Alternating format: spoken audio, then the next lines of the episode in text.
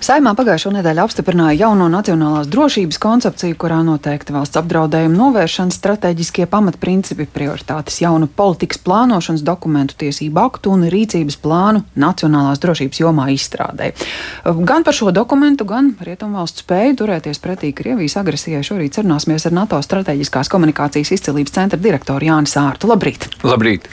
Un, lasot šo dokumentu, viena no tēzēm ir pieaugot Krievijas konfrontācijai ar Rietumvalstīm, pieaugs arī agresīvu Krievijas pēcdienestu operāciju risks Latvijā.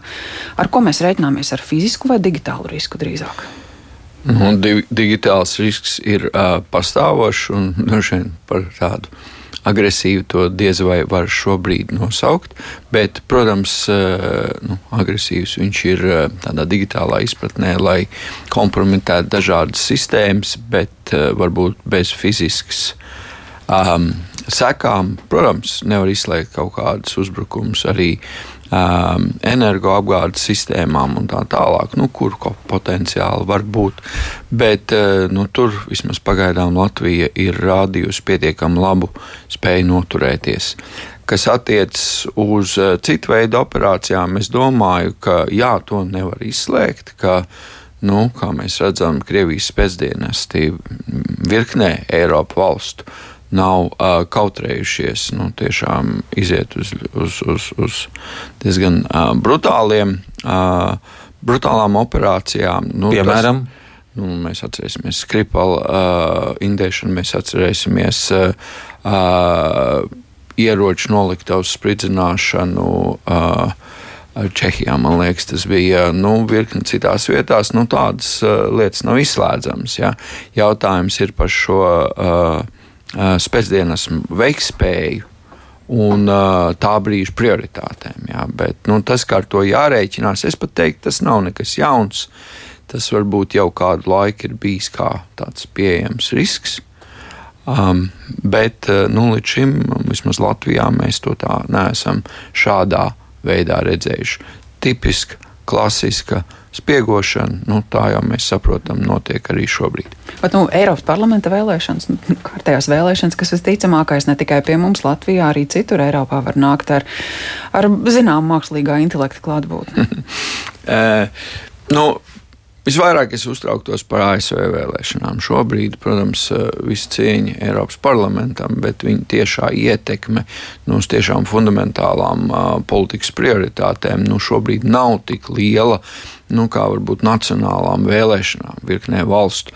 Līdz ar to šobrīd es redzu, ka jā, riski pastāv, noteikti arī Eiropas parlamenta vēlēšanās, bet eh, es to redzu vairāk kā tādu iespēju patrenēties pirms ASV vēlēšanām. Bet tas, kā visdrīzāk šobrīd tās vēlēšanas eh, varētu būt, nu, teiksim, tā, ar ļoti lielu devu mākslīgā intelekta radītu, nu, teiksim, tā, Uh, materiālu, kurš šķietam ieliek politiķus vai kandidātus uz parlamentu vai prezidenta amatu nu, specifiskās situācijās, kurās viņi nekad nav bijuši, bet izskatās ticami un patiesi. Nu, tas ir diezgan droši, ka tas tādā veidā noteikti būs. Bet varbūt mākslīgais intelekts patiesībā var droši atpūsties, jo mēs paši esam noguruši. Nu, tas, ko tikko ziņās dzirdējām par Amerikas Savienotajām valstīm, kur atbalsts Ukrainai vairs nav varbūt pirmajā vietā, tas, kas notiek Eiropā, tajā pašā graudu sakarā, tas, ko analītiķi saka, ka karš Ukrainā varētu turpināties vēl, iespējams, pat septiņus gadus, nu, kā ar šo situāciju tik galā? Pirmkārt, eh, nu, manuprāt, vēlēšanās, tā skaitā ASV, Ukraina būs viens no papildus jautājumiem. Nu, joprojām vēlēšanas būtībā ir par nacionālo dienas kārtību, par ekonomiku, par labklājību un tām lietām. Līdz ar to arī nu, tie mākslīgā intelekta radītie eh, saturi būs par šīm lietām, varbūt mazāk par Ukrajinu. Otrs, eh, kas manuprāt arī ir svarīgi, ka jā, noteikti noguruma faktors ir, viņš ir loģisks, un jo valsts ir tālāk no šī, jo nu, tas nogurums varbūt ir vieglāk manāms. Varbūt Latvijā mēs nepievēršam tik daudz uzmanību, bet nu, mēs tomēr joprojām saprotam to svarīgumu. Ar ko jārēķinās, jā, tas ir faktors. Bet skaidrs ir, ka šobrīd Krievijas stratēģija ir veicināt šo vēlmi nu, aiziet no Ukraiņas atbalstīšanu visos politisko spēku un politiskā spektra veidos. Tā kā tur uh, ir gan tipiska normāla uh, retorika, kas jebkurā valstī varētu tāda būt, ka nu, mēs esam noguruši, varbūt beidzam, Un vienlaicīgi tur ir uh, bieži vien Krievijas uh, mēģinājumi papildināt šo retoriku ar uh, saviem, uh, savu piešpricīti. Bet tad uh, jārēķinās ar to, jo Krieviem uh, švakāk ies frontē, jo lielāks ir iespējas, kad uh, Eiropas Savienības teritorijā notiek kaut kādas uh, viņu organizētas provokācijas un kādas operācijas īpašas. Nu, Tur ļoti atkarīgs no tā, kādā veidā tā dinamika ar fronti notiek. Jā, šādu, šāda iespēja nav izslēdzama, ka viņi mēģina nu, teiksim, atrast citu veidu, kā sāsināt situāciju un tad, nu, izmantot vairāk tādu hibrīdu pieeju. Vienlaicīgi jāsaprot, ja viņiem tiešām sāk pavisam slikti palikt eh, fronts līnijā, nu, tad tā dabiskā reakcija ir koncentrēties, nu, lai noturēt to drošību mājās, jo, nu, jāsaprot, mēs atceramies eh, Brigožina gājienu, tā, lai arī šķietam šobrīd stabila, bet es joprojām uzskatu situāciju Krievijā par pietiekami labilu. Un jautājot, runājot par eh, kara eh, ilgumu, viņš vienlaicīgi šobrīd var būt pietiekami ilgs, vai arī diezgan ātri beigties. Un šī ir tā, nu, tā situācija, kur viņš jau nebeigtos ātri, tāpēc ka frontē pēkšņi kaut kas tur ātri notikt, bet ka frontes nu, teiksim, cīņu un kauju loģika izraisītu kaut kādu, nu, nevis kaut kādu, bet tieši teiksim, tādu efektu uz Krievijas iekšējo vidi, Maskavā pamatā un tā tālāk. Ātri risinājumu Kremlī. Jā, iespējams. Nu, tas nav izslēdzams, bet mēs redzam tieši tā Prigožina nu, atcelšanās un dažādu varas struktūru reakciju uz to norāda, ka situācija īsnībā ir trauslāka nekā varbūt no ārpuses mums šķiet. Bet varbūt jāstāsta no iekšpuses, no tā, kas notiek Eiropā, kur prokremliskie spēki ne tikai bauda um, plašas um, atbalsta funkcijas, uh, bet nu, pat uzvar vēlēšanās, Slovākijas parlamenta vēlēšanas, nu pat jaunākais gadījums. Nu, jā, ir virkne valstu, kurā Krievijai ir spēcīgas e, pozīcijas, it īpaši, tas vienmēr iet roku rokā ar to, cik spēcīga ir Krievijas propaganda šajās valstīs.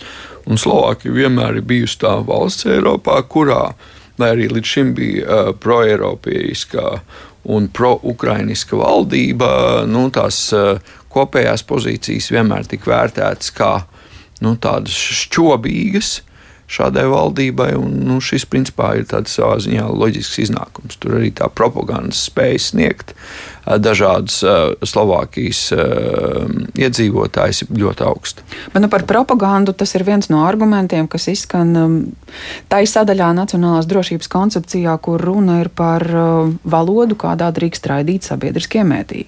Pāris gadi un būtu jāatsakās no krievu valodas sabiedriskajos mēdījos, kur pretī ir otrs arguments, kā mēs sazināsimies ar tiem cilvēkiem, cilvēkiem, kuri aizvien spēcīgi pārvalda tikai šo svešu valodu. Tātad pirmais, protams, skaidrs ir, ka informācijas telpa ir nacionālās drošības jautājums. Nu, to mēs jau šos gadus visi esam redzējuši. Līdz ar to, protams, tas ir jāskatās no šāda aspekta. Tas ir pirmais. Otrs, raidīt vienā vai otrā valodā šobrīd nav tik būtiski, cik satura kvalitāte. Satura kvalitāte, jo Tas, ka viens ir raidīt, otrs, kurš ir gatavs klausīties, kurš ir gatavs dzirdēt to, kas tiek stāstīts. Trešais, godīgi teikšu, ņemot vērā mākslīgā intelekta šī brīža attīstību, es nedomāju, ka šī tiešām ir nu, diskusija, kurai būs kaut kāda jēga pēc četriem gadiem.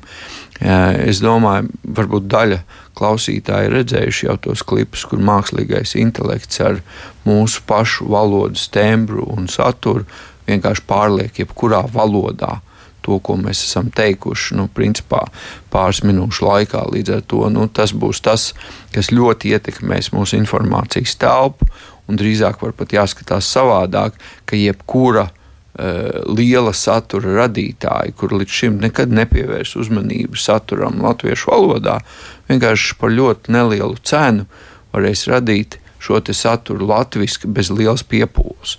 Un tas būs, manuprāt, tāds jaunais efekts, ar kuru mēs nebūtu vēl neesam rēķinājušies. Līdz ar to, nu, principā, mums tiešām jāmaina veids, kā mēs domājam par valodām, informācijas tāpā dēļ mākslīgā intelekta attīstības un kā norientēties tajā brīdī, kad, nu, kā redzam, sociālajos medijos šobrīd daži vienkārši rotaļspēc izmanto autoritāšu sabiedrībā autoritāti iemantojuši cilvēku balsis un uh, var teikt, ko grib. Mēs dzirdam, ka, ka, jā, ka, ka tā ir balss, kurai mēs uzticamies, bet vēstījums ir galīgi atžgārns. Tieši tā, un tas ir viegli un lēti. Un, protams, šobrīd to pamatā dara cilvēki, kas kaut kā orientējās tehnoloģijās, bet ticiet man, tas ir pietiekoši viegli. To arī nu, uh, cilvēks nedaudz veltot laiku var realizēt. Uh, Nu, šobrīd eh, nu, labu recepšu nav. Arī tehnoloģiski nevienmēr var šobrīd pateikt, eh, nu, kā tas eh, saturs ir radies, jo nu, viņš ir ģenerēts būtībā. Līdz ar to ir grūti. Protams, ir virkne nu, teiksim, cilvēku, institūciju, kas strādā pie tā, kā šo varētu risināt. Uh, Bet eh, nu, man nav labas atbildes, diemžēl, šobrīd. Bet tad eh, šī mākslīga intelekta sakarā, kāpēc tad pēc četriem gadiem vairs nebūs mums aktuāls jautājums par eh, informācijas nodošanu Krievu valodā? Jautājums būs nevis par to, vai tā varēšana, es nezinu, piemēram, sāk pārraidīt informāciju uiguru valodā neprasīs principā gandrīz nekādus resursus, izņemot nu, kaut kādas konkrētas programmas. Tieši tāpatās par krievu valodu. Piemēram, šo pašu sarunu ar manu pašu balsi es pēkšņi varētu runāt šobrīd krieviski. Ja? Līdz ar to tas uzsvars ir nevis vai nu, tur atsevišķas redakcijas un tā tālāk, bet uzsvars ir uz kvalitatīvu saturu, ko cilvēki ir gatavi klausīties, manuprāt. Un tad nu, tas lēmums, vai laist tādā vai tādā valodā, būs īstenībā viņa paša. Nu, pirmkārt, viņa, viņa paša bieži vien tas cilvēks varēs, varbūt iespējams, nu, tā hipotētiski domāju, pārslēgt uz to, to vai valodu, vai arī mēdījiem tas būs arī diezgan vienkāršs lēmums. Nu, mēs gribam saturu, nopērkam kaut kādu programmas licenci un, nu, teiksim, es saku, raidam uiguru valodā. Bet, ja drošības koncepcija saka, ka mēs nedrīkstam, tad nu, tur jau jāskatās, ko likumi saka, un tā tālāk. Tas, tas būs daudz tehniskāks lēmums nekā tas ir šobrīd. Šķiet, ka tas ir tāds liels strateģisks par redakcijas un cilvēkiem. Īsnībā nākotnē tie būs tehnisku programmu lēmumi, kas ir realizējumi ļoti īsā laikā. Jā, mums jāsaka jums paldies par šo sarunu. Mūsu studijā bija NATO strateģiskās komunikācijas izcilības centra direktors Jānis Sārts. Paldies! paldies.